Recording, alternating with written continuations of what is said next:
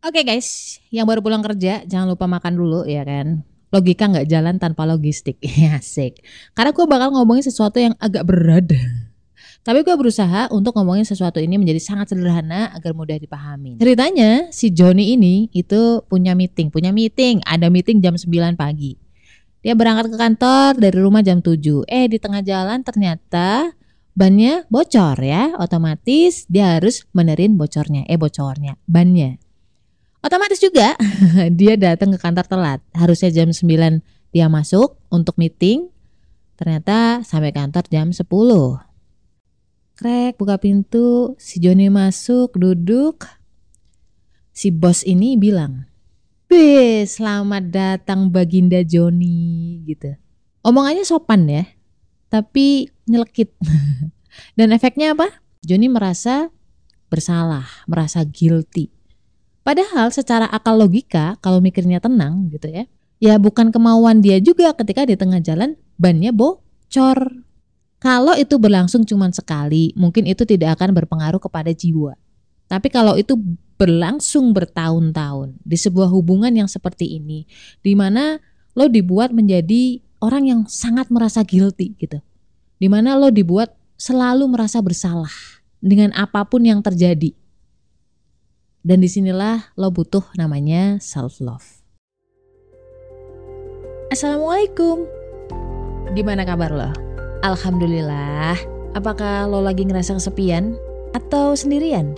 Kenalin gue Ria Marliana, teman healing lo di podcast Self Healing. Di sini kita bakal ngobrol bagaimana sih belajar berdamai dengan luka, tentu aja atas izin Allah Subhanahu wa taala. Semoga Allah sembuhkan lukamu, ringankan bebanmu dan kuatkan hatimu. Ada orang yang memiliki watak self love-nya tuh tinggi. Jadi dia susah banget untuk dibikin merasa bersalah. Ada. Tapi ada juga orang yang seperti ini yang mudah merasa bersalah, gampang dijudge, gampang dibikin down, gampang didistract. Masing-masing orang penerimaannya akan sangat berbeda. Jadi kita nggak bisa juga nyalahin lingkungan gitu, maksud gue gitu ya. Dan self love itu sebenarnya udah ada fitrah di dalam diri manusia, sudah ada dalam diri kita bakat untuk mencintai diri sendiri. Sama halnya seperti oksigen lah, ya kan? Kita kan nggak usah mikir untuk gimana oksigen biar bisa masuk ke tubuh kita, ke paru-paru kita, gimana biar kita bisa menghirup oksigen doang, terus nanti mengeluarkan CO2 gitu kan. Itu kan udah otomatis. Itu udah gift dari Allah. Tapi kalau orang yang sedang sakit, orang yang sedang terganggu kesehatannya, dia butuh alat untuk memasukkan oksigen ke dalam dirinya. Sama juga ketika jiwa lo udah dalam kondisi yang down banget, self love kamu tuh udah rendah banget kadar oksigennya misalkan. Lo butuh bantuan pihak lain untuk memasukkan self love ke dalam jiwa kamu. Dan parahnya korban-korban ini, korban-korban dari orang-orang seperti itu gitu ya. Dia tidak menyadari bahwa dia itu sudah menjadi korban. Dia nggak sadar bahwa sebenarnya dia sudah merasa tidak berharga, dan kalau udah sampai nggak sadar itu udah kena jiwanya. Kalau cuma perasaan doang gitu ya, hah asem banget ya gitu. Itu masih mikir, masih bisa mikir. Kalau misalkan sudah sampai nggak bisa mikir, itu berarti udah kena ke jiwanya. Mendeteksinya adalah kalau misalkan peristiwa itu terjadi di temen lo, lo terima nggak kalau dia digituin? Hmm, hmm. nggak ya kan? Ih kok kamu mau sih digituin? Padahal dia sendiri juga digituin sama pasangannya misalkan contohnya atau sama bosnya gitu Kenapa dia malah terima gitu? karena? Karena jiwanya berada di dalam kebingungan ya, tidak tenang. Jadi karena jiwa nggak tenang, nalar atau logika akal itu tidak bisa berpikir secara jernih atau secara sehat.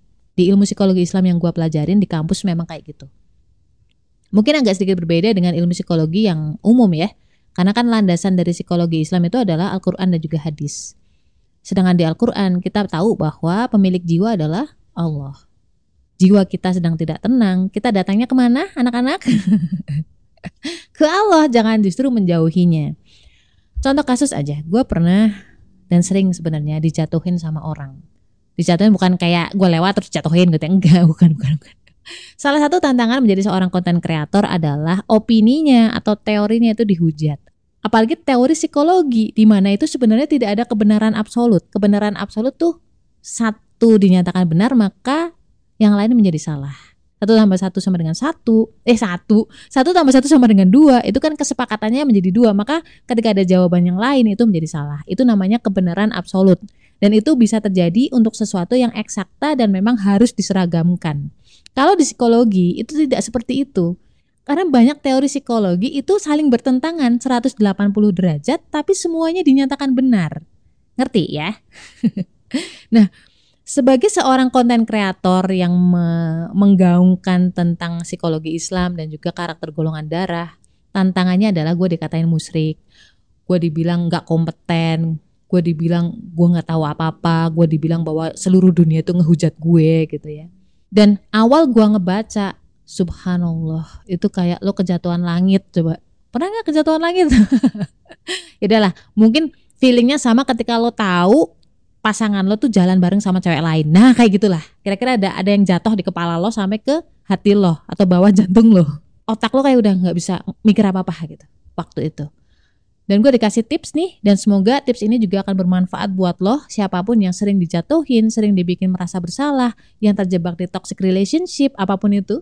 Tenangin dulu diri kamu, jiwa kamu dengan solawat. Sampai kapan? Sampai degup jiwa kamu, bukan cuma degup jantung ya, tapi degup jiwa kamu itu stabil. Kalau udah tenang gitu ya, baru kamu berpikir.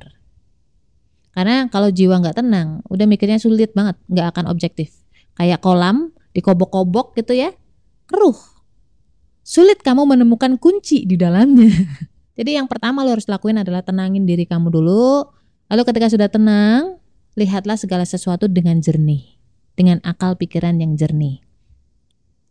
Jadi ketika gue di hate, setelah sholawat, setelah tenang, gue bisa mikir, emang dia itu siapa sih gitu ya? Gue gue telah ah si yang ngomong ini orang-orang ini. Sampai pada titik kesimpulan bahwa oh ternyata orang ini tuh tidak memahami hakikat dari ilmu psikologi kan mostly kebanyakan kita nggak paham tentang ilmu psikologi. Kita menganggap bahwa namanya psikologi harus ada rumusnya, seperti halnya matematika gitu. Yang ini benar maka yang lain teori yang lain salah gitu. Itu kebanyakan dari warga Indonesia itu begitu. Padahal sebenarnya enggak sama sekali. Kalau lo belajar tentang sejarah psikologi, belajar hakikat dari ilmu psikologi, belajar tujuan dari ilmu psikologi, pasti nggak akan ngomong seperti itu. Apalagi kalau sampai merambah ke ranah psikologi Islam. Lo akan lebih bijak melihat perbedaan pendapat. Jadi dari situ gue menyimpulkan bahwa oh ternyata dia orangnya tidak paham tentang psikologi. Tentang psikologi saja tidak paham, bagaimana mungkin dia bisa memahami teori gue? Karena dia tidak memiliki pemahaman yang mendalam seperti itu, dia menyerangnya bukan ilmu, tapi secara personal. Tujuannya cuma satu, membuat gue merasa down, membuat gue merasa bersalah telah ngonten, membuat gue merasa tidak berharga. Orang-orang seperti ini biasanya akan berusaha membuat atau mencitrakan dirinya itu lebih tinggi daripada kamu. Itu taktiknya iblis ketika menjatuhkan Adam. Dia merasa lebih hebat, lebih tinggi dari Adam, terus dia merendahkan Adam. Padahal sebenarnya dia sendiri yang insecure sama Nabi Adam. Yang ketiga ini penting, lo harus menaikkan imun jiwa kamu, menjaga self love kamu. Sama seperti hanya ketika lo menjaga imun tubuh, ya kan olahraga rutin ya kan makan makanan bergizi yang rutin makan vitamin rutin ya kan jadi jangan cuma sekali ketika ada masalah doang nanti kamu down lagi kalau menjaga imun jiwa itu dengan cara apa? Dikir pagi, dikir petang, dikir setelah sholat, sholawat juga. Jangan sampai miss. Ketika lo lagi mulai berpikir overthinking, mulai kejauhan, mikirnya ke mana-mana, was-was, khawatir. Begitu lo sholawat nih, itu ada cahaya yang menyinari jiwa kamu. Solawat itu kan kita mendoakan keselamatan dan rahmat buat Rasulullah. Dan ketika kita bersolawat sekali, Allah bersolawat ke kita, memberikan cahaya keselamatan ke kita, itu 10 kali lebih banyak. Jadi di saat lu solawat, itu kita terkoneksi nih. Antara kita, Rasulullah, dan juga Allah. At the end, conclusionnya adalah self-love itu sudah innate, sudah ada di dalam diri kita. Yang perlu kita lakukan adalah menjaganya. Dan ketika imun jiwa kita itu down, dibikin down sama orang, kita merasa bersalah, merasa tidak berharga gitu ya. Yang perlu kita lakukan pertama adalah tenangin jiwa dulu, solawat, dan fokus ke Allah. Setelahnya, setelah kita tenang, bisa berpikir dengan jernih, selanjutnya adalah menjaga imun jiwa tetap stabil. Ketika kita mencintai Allah dan Rasulullah, jiwa kita itu akan dibikin mencintai diri kita. Bukan hanya diri kita, tapi juga orang-orang di sekeliling kita. Masya Allah. Allah dan Rasulullah saja itu menghargai kita. Jangan biarkan orang lain membuat kita merasa tidak berharga. Kalau nggak percaya nggak apa-apa, tapi minimal dicoba lah ya. Kalau lo nggak percaya, lo nggak mau nyoba, yang rugi bukan gue cuy. yang rugi lo sendiri gitu loh maksudku. Oke, kira-kira kayak gitu. Semoga Allah selalu menjaga kita, apa pun masalahnya. Hasbunallahu wa ni'mal wakil. Cukup bagi kita Allah sebagai penolong. La haula wala quwata illa billah. Stay love and assalamualaikum warahmatullahi wabarakatuh. Kenapa sih golongan darah B itu pelupa? Susah banget ingat nama. Orangnya juga cuek, nggak pekaan, nggak perhatian. Kenapa coba? Bedah itu semua dari buku cerita tentang karakter golongan darah B dengan judul Beauty in a Beast. Order sekarang, link di bio ya.